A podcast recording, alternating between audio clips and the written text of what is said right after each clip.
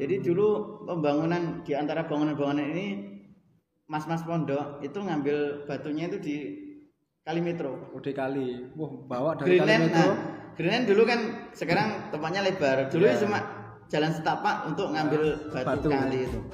Jadi musuh itu mereka nyetak nyetak foto sendiri. Sendiri? Oh iya.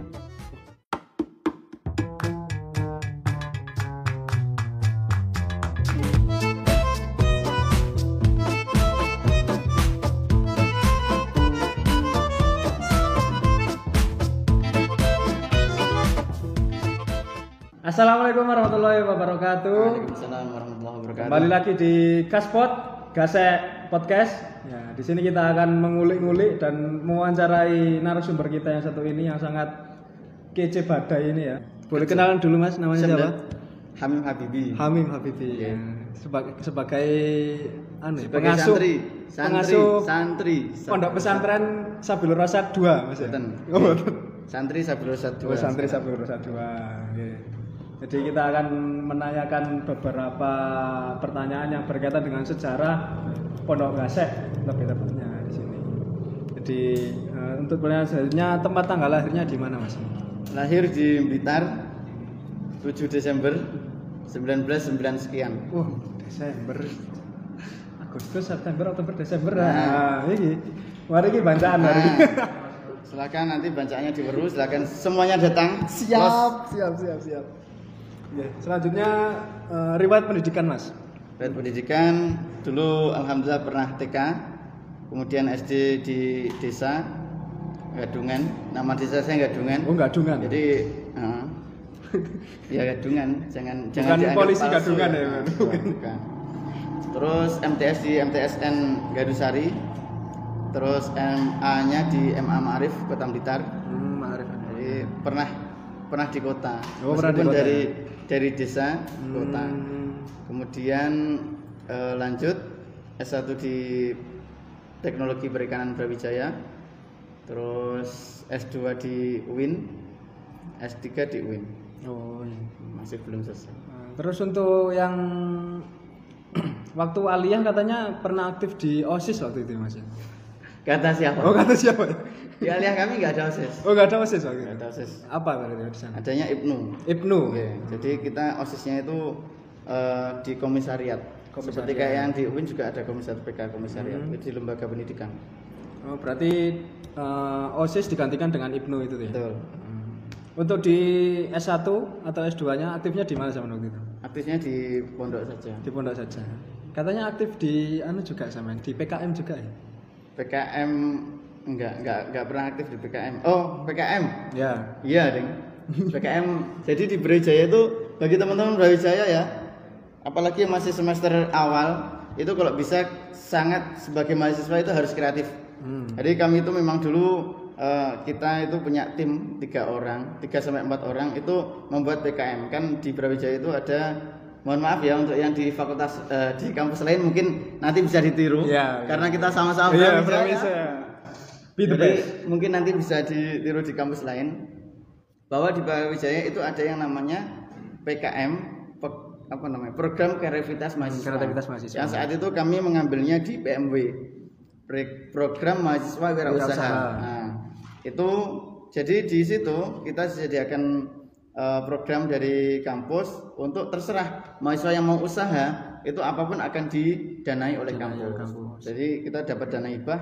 Alhamdulillah saat itu kita menciptakan satu produk yang namanya kribo, Kribo. Hmm, keripik bakso. Rambut. Nah, Oh, keripik bakso. keripik bakso. Jadi kemasannya itu juga orang Kribo. nah kribo Oh, iya. itu tapi rambutnya nggak ada. Rambutnya diganti dengan keripik kita. Oh. itu bagus itu sebenarnya. Oh, bagus ya. Bagus sebenarnya. Saya jadi ngiler. Tapi karena karena terkendala tugas akhir, akhirnya itu berhenti. berhenti. Ya, selanjutnya ya. Selanjutnya ini pengalaman mondok sampean. Pengalaman Mondok pertama mondok, di mana sampean? Sebenarnya dulu kan saya mondok itu sebenarnya pengen setelah SD itu pengen mondok. Karena motivasi pondok bahwa orang-orang sekitar kulo, sekitar saya itu adalah orang-orang yang baik-baik. Jadi karena banyak orang yang mondok akhirnya kan tercipta suatu kondisi, Iya. situasi kondisi yang kondusif. Kondusif benar benar benar. benar. Jadi akhirnya eh, termotivasi untuk mondok. Tapi akhirnya eh, tapi ternyata baru mondok itu di Aliyah. Di SMA itu namanya. di Aliyah, terus kemudian pindah ke sini. Sebelum ke Gasek dulu sempat ke pesantren Luhur. Oh di Luhur. Oke, karena saat itu kan Dekat eh, kampus ya waktu itu ya. dekat kampus terus pas ospek kan jam 4 pagi sudah harus Iya, sudah harus di kampus. Makanya dulu di situ Hmm. satu minggu. Oh satu minggu di sana. Terus Pas ospek tok itu mas ya. Nah, Hmm. Terus kenapa kok memutuskan digasek? Alasannya? Wah, gini mas ya. Jadi sebenarnya orang bolo-bolo, apalagi semua santri ya yang mondok di Gasek, itu sebagai sebagai sebuah anugerah dari Allah. Jadi harus kita syukuri. Jarang, nggak nggak nggak sembarang orang bisa diutus mondok di sini tuh nggak nggak sembarang orang. Ya bagi saya itu jalan hidup saya. Oh, jangan itu sampean. Kersane panggil kalian jenengan orang-orang yang luar biasa. Ya kan waktu itu kan kebanyakan yang di Gasem mungkin UIN kan ya, yang kuliah UIN. Sampean kan di UB kan, Iya. otomatis jarak juga jauh. Betul. Tapi Juga tetap dulu juga jalan kaki. Jalan Zaman kaki, saya ya? itu masih jalan kaki. Masya Allah. Belum ada sepeda motor yang bagus. iya, yang bagus. Yang anu udah ada. Eh, sudah ada ya beberapa ya. Benar-benar. Eh, terus ketika pertama masuk Gasek waktu itu keadaan pondoknya itu seperti apa? Pertama nggak masuk gasek eh, dulu kan tahun 2010 ya. 2010 pertama masuk Gasek. Hmm. Dulu adanya masih musola. Ini dulu belum masjid. Oh masih musola. Terus kamarnya itu di belakang musola itu Hmm, Baratnya itu ya. Nah, baratnya itu itu yang yang baratnya yang mepet yang di depan kamar mandi itu belum ada bangunan. Jadi Oh, belum situ dulu ada. tempat parkir. Oh. Parkirnya jadi dulu eh, santri datang itu ya langsung masuk ke situ. di pintu kecil itu ya sampah. Yang sekarang kamarnya Satafif, Tatamam itu Iya. dulu itu parkiran sepeda. Oh. Karena masih masih berapa? Cuma kira-kira yang ada sepeda cuma nggak kurang dari 20, nggak lebih dari 20. Untuk total santrinya berapa dulu?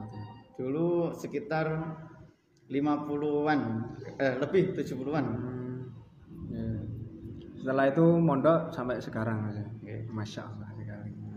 Terus untuk pengalaman yang paling berkesan ketika masuk nggak sampai sekarang wis itu apa itu? Sebenarnya bukan yang lebih berkesan ya, Hmm. lebih kepada yang paling saya izin, apa izin? Malu. Malu. Nah, Yang buat saya yang malu. Jadi eh, dulu, tapi ini no, diceritain lah ya. Oh, nggak apa-apa. Izin, izin banget soalnya. Jadi buat teman-teman ya, buat teman-teman itu ini kan ber- berhubungan dengan sejarah ya. Ya ya. Jadi banyak sekali dulu santri itu yang istilahnya punya kesan kesan yang memalukan dengan Abah Yai. Oh ya. Salah satunya saya, salah satunya. Eh, Sebelum ke Abah Yai dulu saya itu pernah malu sama Pak Mat. Jadi dulu kan adanya yang namanya Kang Aziz, Kang Aziz Muhadori. Oh ya. Nah itu Nggak kenal saya. nah, dulu beliau beliau beliau itu orangnya garang, wah besar orangnya gondrong. Nah itu di kamar mandi, Hmm. kamar mandi terus namanya santri kan masih sedikit jadi istilahnya jarak-jarakan, apa Iya. jadi jarak-jarakan ini? Goda-godain lah, saling menggoda. Nah, pengejek. Nah. Enggak menge, Oh, gak mengejek ya? saling menggoda. Nah, Menggoda. pas di kamar mandi kan tak dodok. Dodok. Ayo Kang, ayo Kang. Dodok. Oh sih, suwi. Dodok. Nah, pas dodokan yang terakhir ketiga kali itu ada Pak Mat lewat situ, pas juga mau kamar mandi. Nah, serta merta setelah tak dodok, saya pergi, Pak Mat yang ada di depan kamar mandi itu, kali Kang Aziz langsung digelandang, kenapa? Astone Pak Mat itu dipegang, mlebu kene lho. Ya, Aduh. Itu, Sini kula, sini. Tapi saya terus pergi, Pak Mat yang menggantikan posisi Mas. Jahat banget saat itu. Nah itu nggak sekali itu. Dulu pas dulu di yang sekarang depannya loket itu kan ruang terbuka. Oh ya. Ruang terbuka. Masih belum ada lantai dua itu masih belum ya. Loket ya udah. Ya udah, Lo- sudah. Bawahnya tandon loh. Oh, Bawahnya ah. tandon depannya itu tempat untuk membaca Qur- Quran. Quran pagi dan Oh, ah. Oh, nah, iya. pernah suatu ketika Mbah Ya itu setelah ngaos itu ngaos Quran di situ. Hmm. Nah, beliau kan jongkok sambil baca Quran itu. Ya. Nah, tersangkanya sekarang ganti Kang Aziz lagi. Yang tadi saya tersangkanya. Iya. Kang Aziz dikira itu kalau Kang Mundir. Kang Mundir itu panggilannya dulu Oh, kopler Yang dari Mojokerto. ya Mojokerto Hmm. nah itu kan dari belakang Kang Aziz Ya. Ah, Pler pler di jonggrok nih. jonggrok nih apa sih? Di Dicorong. corong. Dicorong sampai. Nah ternyata itu. Oh, iya, Terus setelah itu apa nggak apa ya kan sama Mbah Yai gitu kan. Kalau sekarang mungkin sangat Oh iya, sekali. oh, sekali. Makanya setelah itu langsung lari. Nah saya juga cerita yang sama Mbah Yai itu kan pas sholat id pas sholat id idul fitri kalau nggak salah itu kan dulu memang saya sama teman-teman bagiannya di belakang masak di dapur Ya. belakang masak memasak nasi nah kemudian eh, kembali ke depan itu sholat subuh Hmm. sholat subuh terus ganti kostum lagi setelah sholat subuh ganti kostum untuk ke belakang lagi nah saat itu ada Cak Irul yang nyuci sandal Oh, nyuci di sandal. tempat wudhuan itu Ya, wudhuan. depan kamar mandi nah, itu saya eh, apa sih nih ganti kostum di depan di, di kamarnya Pak Han Di Pak Han. di kamarnya Pak Han pojokan Pojokan itu. Ah. terus ngadep Cak Irul wah cie sandal anyar. Eh. oh bukan sandal. Cie anyar. Nah, Oh, anyar. pas saat itu juga Mbah Yai Lewat. lewat di situ. Tapi agak-agak agak di depannya kamar tembayat. Oh, masih beliau mau. ah, sambil memegang sarung. Iya. terus beliau menjawab nganu salah. Ci anyar Mbah Yai. Oh iya anyar Aduh. aduh. otomatis kan kisinan Iya, Ya, kisinan. malu terus lari. Kalau lari, lah kok di bawah tandon di cagak itu kan ada apa? Eh, portal itu kan enten cagak di situ. Iya. Nah, itu kan kelilingan cagak. Di situ di baliknya ada Bazis. Tak Oh. tabrak. Astagfirullah. Oh, yang di kecil itu, tempat Nah. kecil itu. Ya Allah. Lalu tanya "Wah, ada apa, Mim?" Betul, Bang. Langsung lari ke belakang. Combo dua kali ya, teman. Setelah itu sampai baru pas berani soal dalam ya pas waktu salam-salaman jabat tangan itu. Oh. Soal bareng-bareng itu Iya, baru, sama bareng-bareng. baru berani Yun Sepuro. Sangat berkesan sekali ya itu itu pengalaman. di antara eh, banyak dan lain-lainnya banyak pastinya. Ceritanya makin banyak lagi ya, tapi karena waktunya sedikit sekali ya. Tuh. kalau ingin cerita lebih lanjut Nah, langsung Bisa, ada eh, nomor WA di sini. Chat chat, sendiri ya. Editor tolong dikasih editor. ya untuk selanjutnya kembali lagi ke perihal sejarah. Iya. Jadi teman-teman ini mungkin banyak yang masih belum tahu tentang sejarah pondok sendiri. Mungkin dari pertama awal eh, dibangun atau terbentuk sampai sekarang itu bagaimana? Eh, alhamdulillah eh, berapa ya dua bulanan yang lalu sebelum puasa pokoknya niku kan eh, Abah Yai angon Pedus nih kok Iya. nah niku kan kemudian kan kulo kalih deki yang baturi Iya. nah itu beliau juga cerita tentang sejarah pondok ini. Jadi pondok Gasa itu se- sudah sebenarnya Sabdul Rosat yayasan Sabdul Rosat itu sudah ada sebelum Abah Yai kok rawuh di sini. Oh. jadi dulu Abah Yai setelah eh, menikah dengan Bunyai dengan Umi itu kemudian beliau ngontrak di daerah masjid di dekat masjid Masjid masjid. Gasek masjid Hidayat Khair itu sekitar satu tahun kalau nggak salah terus kemudian situ sudah eh, didatangi oleh mahasiswa-mahasiswa UIN untuk belajar ngaji Mau belajar ngaji. ngajinya di Mbah Yai Tapi belum ada pondoknya waktu itu ya.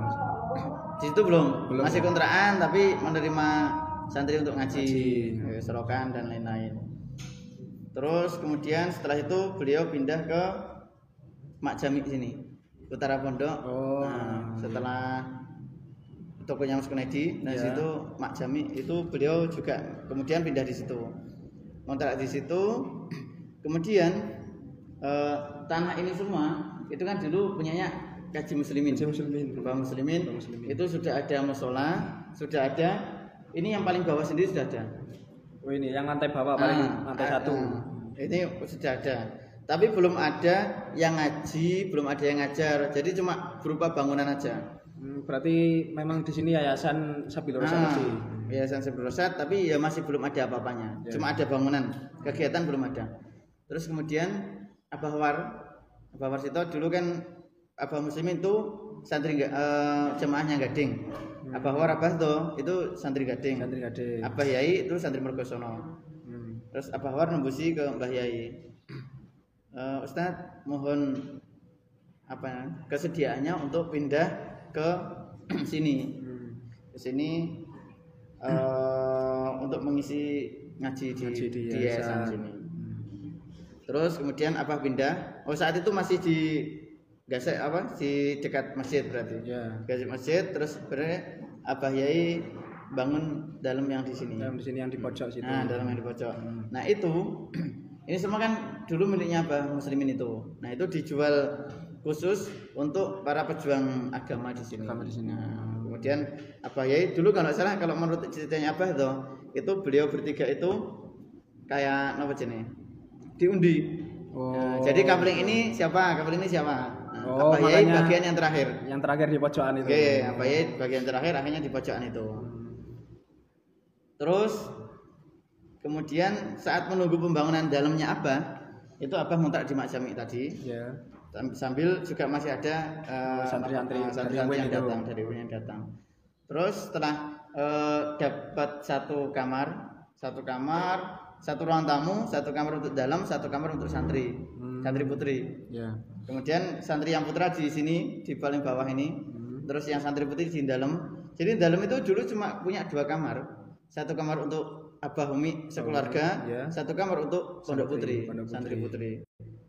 Terus Berarti santri pertama yang mondok di apa? Itu putri, santri putri itu. putra, ya, ah, putrinya di dalam, putrinya di Oh di sini. Buat Utara utara masjid. Nah. Hmm. Terus setelah itu ada kebijakan di yayasan bahwa pengen yayasan adalah ini dijadikan pondok modern. Pondok modern kayak di UIN, asrama modern. Oh, mahat. Mahat. Jadi ada dipan, Dipan. dipan bertingkat. Oh. Nah, dipan dua tingkat itu ya kayak UIN yang di UIN ya. Iya. Nah, Jangan UB Win. ya? Mana ya? Iya, saya nggak tahu juga saya. saya. Kayak di asrama UIN lah. Heeh. Jadi persis. Jadi ada eh, apa dipan ini bertingkat. Itu pengennya juga ada asrama. Terus dulu itu santri gratis. Jadi nggak bayar untuk untuk mondok itu nggak bayar sebelum sebelumnya. Terus kemudian ada kebijakan dari yayasan bahwa semua santri diwajibkan untuk daftar ulang Daftar ulang. dan membayar sekian saat itu sekian ratus ribu nggak salah untuk istilahnya untuk Daftar tadi. Nah, daftar di sini sebagai santri. Tapi akhirnya kan Mbah Yai men, mentolong, mboten tega, nggak Ah, tega sama santri-santrinya karena beliau sadar bahwa santri-santri yang di sini tuh bukan dari kalangan menengah ke atas karena mampu ya. Mm. Terus kemudian ya udah santri-santri yang di sini di asrama dipindah ke dalam semua. Putra juga. nah, Putra putri. putra putri. Jadi yang putri di, tetap di tempat tadi, Ya. yang putra dibuatkan kayak godaan. Iya, godaan kota godaan itu. nah, di di samping dalam, Hmm, di timurnya dalam. Itu sampai dua tahun kalau nggak salah. di situ ya. Hmm. Jadi kegiatan is, di sini nggak ada ngajinya. Di sini cuma kalau pas wai sholat ke musola, ya. ngajinya tetap di dalam Di lagi. dalam semua. Nah, itu karena yaitu masuk istilahnya kon bayar Iya. masuknya juga sini dulu istilahnya roan bareng-bareng itu juga sama santri Hmm. jadi dulu pembangunan di antara bangunan-bangunan ini mas-mas pondok itu ngambil batunya itu di Kalimetro Udah kali. Wah, bawa dari kali Greenland metro. nah Greenland dulu kan sekarang tempatnya lebar dulu Iya. cuma jalan setapak untuk ngambil batu, Batu. kali itu Hmm. Jadi musuh itu mereka nyetak nyetak foto sendiri. Oh, sendiri? Oh iya. Wah, ngoten niku perjuangan. Perjuangan, Nah, teman. dulu pas saat pembangunan pondok ini, dulu itu pernah ada kayak reporter kayak wartawan Wawancara. apa wartawan, wartawan yang me, apa di satu sisi penyusup itu lah penyusup pengen mengabadikan wah ada kegiatan di sini ya Nah, dalam tanda kutip itu bukan dari eh, kelompok kita jadi orangnya lari dikejar sama Pak Din oh Pak Din ini. Pak Din ini Iya. pojokannya Nah, kejar orangnya sampai kecekel suruh menghapus foto-foto yang yang yang di Difotokan nah, itu. foto tadi wah, berjuang sekali ya. juang dulu Nah, iya. Ngono santri saiki sik tura, turu. Nah. Makanya pesan ya untuk santri-santri sekarang pokok setiap ada roan kayak nopo jenenge ngecor dan ini Hmm. jangan sampai dilewatkan Nah, benar benar. benar. karena itu buat tabungan kita sana. Iya, berarti jariah ya istilahnya. Jariah. Masya Allah. Nah, pertanyaan selanjutnya ini dari Ruh Pondok Gasek dari dulu sampai sekarang itu apa menurut sampean? Identitasnya. identitas Pondok Gasek itu jadi memang ngana ya tuntutan bukan tuntutan contoh tauladan dari Ya. Abah Yai itu kita kepada guru itu tawaduknya pol-polan tetapi kalau ter- eh, terhadap apa pun yang di sekeliling kita itu kita harus pegang. Jadi kita harus memiliki kepekaan sosial. Contohnya seperti ini.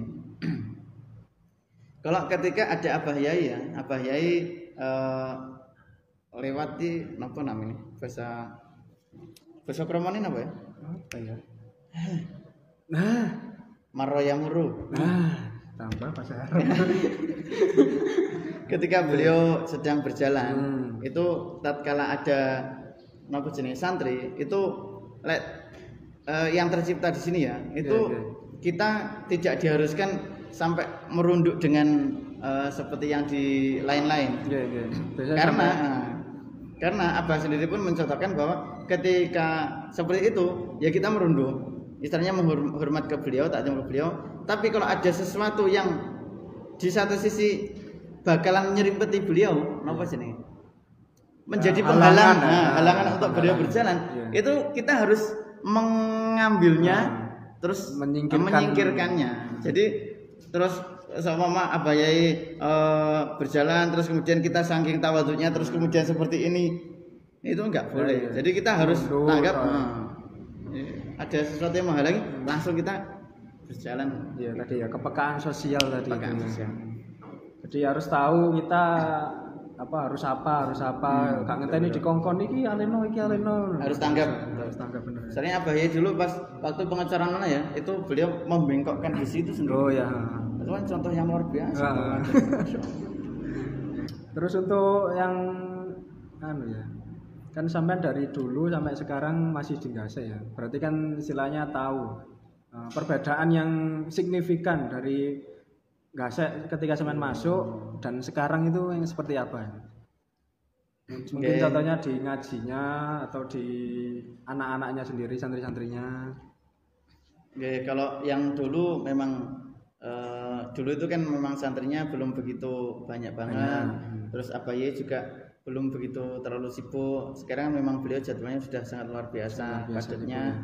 Jadi dulu itu eh, apa itu sering ke kamar-kamar itu. Kamar. Ngobrol-ngobrol. Iya. ayo. Ah, iya, iya. Ya kan ciri khasnya. Ah, eh, keplok-keplok. ayo, Ngaji, ngaji. Sampai suatu ketika kalau pas eh, kamarnya di Utara Musola itu Oke. pas pulang dari kampus kan kalau di UB biasa sampai malam kan Iya, sampai malam. dulu sampai jam 9 kan jadwalnya kampus itu pas kulo nyampe sini itu maghrib maghrib pas saat itu kondisinya eh, ya namanya mahasiswa dari pagi Iya, kesel. eh, kesel ya. terus juga jalan kaki Oke.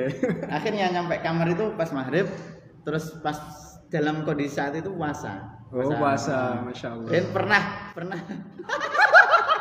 bukan apa ya bukan berarti sama Iya, iya, iya, lanjut, lanjut. baru kuwi nggak mau soblas nggak mau soblas saat itu saat itu Iya, iya, iya. cek lugu lugu nih santri lagu-lagu nih. nah Serkep. nah, terus saat itu pas pengen buka puasa ya nasi bungkus nah saat itu apa keliling kamar Oh, keliling kamar. keliling kamar terus kemudian namanya santri ya istilahnya tak mam dhisik terus jadi kayak ngaji Ah, jadi iya. Jadi kemudian ada ternyata ada tiga anak yang di kamar itu ada tiga anak. Kalau Faisal kali Hafid lah ya salah. Hmm. Nah itu eh, yang lain sudah keluar, Ya. terus Faisal delik, delik di belakang belakang Lemari. pintu, nah, Oh, belakang pintu. itu. Hafid, Hafid soalnya saat itu besar, jadi nggak iso delik. Iya, wes pancet Nah, aja. Jadi tetap ketok, mau delik ketok. Nah terus apa ya? Eh, ayo, malah aja delik, beri lemari. Malah dulu. aja delik, ayo. Nah, terus akhirnya ya semua nama sini eh, keluar, keluar. Terus dicegat oleh bang. Mana yo? Aja dibalani yo. Enggak. Astagfirullah. Berarti dulu anu ya sering sekali ya apa apa kayak ngoprai Iya. ke masjid setiap mau jamaah dioprai gitu ya. Dulu apa kamar mandi? Kamar mandi yang itu untuk santri. Oh yang di sini. Iya. Sekarang Jadi kan Abah- di selatan masjid itu Iya. yang putri. Jadi dulu apa juga kalau ke masjid itu beliau lewatnya ke itu, barat itu, barat kamarnya mas ya, mas itu. Kamarnya mas mas. Kalau nggak salah sampai saya mondok di sini masih, Masih? ah, Ah, oke. 2016 waktu itu. Masih sering lewat Ya, barat masjid itu. Terus untuk yang selanjutnya, apa ya? Tentang ngaji. Ngaji. Nah, ngajinya dulu dan sekarang. Katanya dulu itu waktu itu masih belum ada istilahnya dinia Oh. katanya. Kalau kula niku mboten menangi. Pembuatan wangi malah. Mboten menangi. Kalau saya saya belum terlalu tua loh. Oh iya. Jadi kalau yang belum ada dinai memang yang atas-atas saya jauh. Waduh sampean ya. Kula kan eh, di sini 2010 jadi sudah sekitar berapa? Sini kalau nggak salah 96. Berarti 96 98 lah. empat pondok 14 ini. tahun berarti. Ya sekitar itu. Jadi kan sudah Sudah, banyak. panjang ya.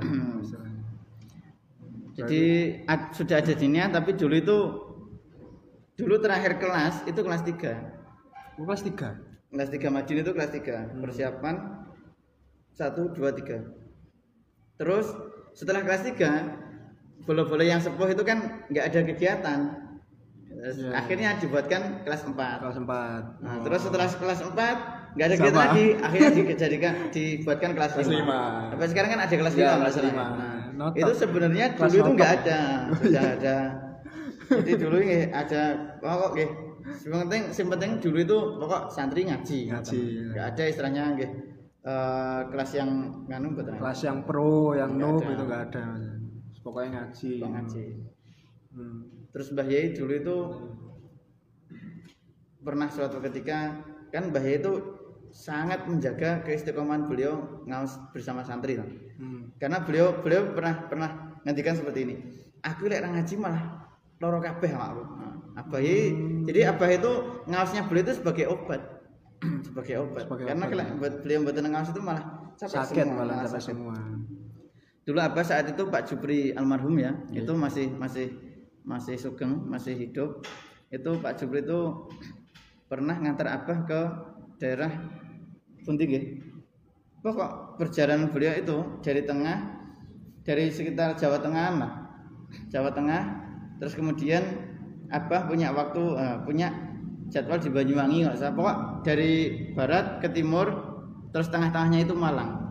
Misalnya Pak Jupri itu menawari, Yai, niki langsung mawon terus bundi, soalnya eh, nggih, kan. kalau ke Malang lagi istilahnya balik Wah, lagi terus balik, baru kan puter-puter. lagi. Tapi Abah saat itu mboten. Terus nawari ke Pak Jupri. Karena mawon Pak Jupri jenengan riyen mawon, kula tak ngebis madhep Malang, makanya kita kepanggih di acara yang selanjutnya, di tempat ngajian selanjutnya. Tapi nggih namanya orang penderek ya, supir mana tiga kianya di seperti Ngebis, itu. ya. Nggih. Akhirnya yes, Pak Jupri juga buatan ya, pokok kula derek jenengan. Akhirnya jadi jadi Abah itu pulang ke sini ke Gasek, ya. ke Malang itu pokok jam 5 beliau pun rawuh langsung imami sholat ngaos Ngaos. bersama santri-santri itu kemudian ke dalam dalam setelah ngaos ke dalam itu nyalimi putrinya Iya. pokok yang penting beliau saat itu pengen apa sini ngambung Mbak Mila saat itu yang paling putri beliau yang paling kecil Iya. Mbak Mila itu itu setelah Mbak Mila berangkat sekolah beliau berangkat lagi ngaos lagi ke acara selanjutnya Masya Allah. ya perjuangan Mbah Yais luar biasa untuk santrinya itu makanya kita itu loh. Yang terakhir mungkin Mas ya. Ini pesan untuk santri, terutama untuk santri gasek. Apa? semua santri ya semua santri Iya, semua. jangan pernah menjaga jarak dengan abah dan umi karena abah dan umi itu rewongan banget jika santri itu apa ya menganggap beliau sebagai orang tua tuanya asli jadi dan abah dan umi kan nggak pernah menjaga jarak dengan santri beliau Iya, pokok santri ada masalah apa apa tanggal apa apa komunikasikan lah bersama abah ya. Sowan. terus lah eh, pas pulang semuanya ya pas pulang jangan lupa sowan dalam karena dulu pernah ada kejadian nggak sowan dalam pengurus juga gak dikasih tahu. Iya. saat itu kami sebagai pengurus akhirnya terjadi hal yang nggak diinginkan di tengah jalan. Beliau hingga dirawat beberapa hari di rumah sakit. Oke. itu ibunya yang telepon ke saya tangklet. Terus saya masuk tapi kok dari tugi griyo akhirnya kami telusuri ternyata kecelakaan di jalan. Nah itu kan karena kami juga nggak dipamiti nggak ada lain-lain terus dulu abah ngendikan lek pemene mboten sakit kebagai abah umi minimal ke dalam pegang gagang pintu atau tembok dalam. Kalau seumpama kepeksa banget istilahnya kupas susu, Oke. wis tergesa-gesa banget selak ditimbali calon Ah, mertua calon nah, katakanlah ya. Itu di parkiran itu ada mobilnya dalam, Oke. pegang itu. Pegang. Pegang kali motor nih, Izin. izin wangsul. Ya, izin wangsul. Yang penting pokok harus pamit. Hmm. Meskipun hanya memegang Nah, handle pintu itu. pokok ya. harus pamit. Iya, iya. Ya, ini sekaligus penutup, Mas. Siap. Ini nyewon kuat khusus hmm, dari Ustadz Hamim. Mungkin kuat saja. Sekaligus menutup podcast kali ini, Oke, Mas. siap. Eh, sebenarnya terima kasih nggih pun diundang Nggih. dari teman follow-follow Gase Podcast. Terus juga minta maaf apabila banyak yang informasi mungkin barangkali ada alumni yang tidak bersependapat dengan informasi yang saya sampaikan, monggo bisa diklarifikasi atau mungkin ada beberapa yang salah, saya mohon maaf. Itu sebatas sebatas eh, pengetahuan saya. Quotes-nya apa ya? Ngopo quotes? Apa ya? Mungkin kayak be yourself. Mungkin. Jadi eh apa ya? Bagi saya pokok yang penting kita itu sebagai santri terutama itu yang penting bisa berbuat lebih eh, Bermanfaat gitu bermanfaat lebih kepada orang lain. Kita nggak usah memandang siapa pun itu yang kita beri manfaat. Yang penting selama kita bisa memberi manfaat itu kita akan berguna. Lakukan yang kita bisa gitu, Mas. ya. Jangan laku, jangan lakukan yang kita nggak bisa. Oh iya, bener. Iya toh. Sulit. Ora usah dilakoni apa sing ngaji nggak iso. Sing ngaji iso ya lakoni. Oke, siap. Totalitas. Jadi totalitas, nah, itu kuat dari Ustadz Hamim, totalitas. Nah, yang bisa kamu lakukan, lakukan sampai total wis pokoknya. Lek nggak iso ora usah dilakoni. Nah, misal kayak gini-gini, anak konpes ngasih TV kan bisanya kayak Biasanya, wah, lakukan Ah, lakukan. terbaik gitu. Nah, ini Barangkali kreativitas. Nih, barangkali insya Allah kan ini sebagai pengabdian jenengan di pondok. Nah, gitu. Santri apalagi jangan lupa ngabdi loh. Santri itu harus ngabdi. Sabtri ngabdi, kak turu tok. Sak nopo sini, sak pinter-pintere uang tapi kalau nggak ada ngabdi dan akhlaknya nggak ada, mendingan nggak usah jadi uang lah. Nah, ah, gak usah. Tadi apa? Katanya katanya kan iblis itu bahkan lebih alim dari kita. Oh iya. Tapi dia nggak berakhlak. Itu tok. Nah, yang bedakan kita antara kita dengan iblis cuma itu. Astagfirullahaladzim. Ya Allah. Ya, itu tadi podcast kita dengan Mas Hamim Habibi. Ya, sungguh masya Allah sekali. Dan jangan lupa kalau mau dengan berminat dengan kaos kita kali ini ya, Oke. gasek Gasek, merchandise. merchandise bisa menghubungi dari Nah, teman-teman di Gasek. sini ada Instagramnya. Instagramnya. Terus, Terus, contohnya kaosnya ada di sini, Nah. di sini, di sini, ya. dan di sini. ya, di sini, ya. Terus editor. santri ya, beberapa santri ini kita juga aktif di eh, kita harus juga aktif di NO. Makanya salah satunya Mas Marsidi itu beliau seorang banser. Eh. ini seragamnya Ah. kaosnya. Mantap dan, insyaallah. Ya, Rela sahabat. mati demi kiai. Ah, rela mati, ngarep dewe. Ngarep dewe. Ah, Terus kita sebagai pagar. Ya, Kudu wani. sekian podcast kita kali ini. Wassalamualaikum warahmatullahi wabarakatuh. Waalaikumsalam warahmatullahi wabarakatuh.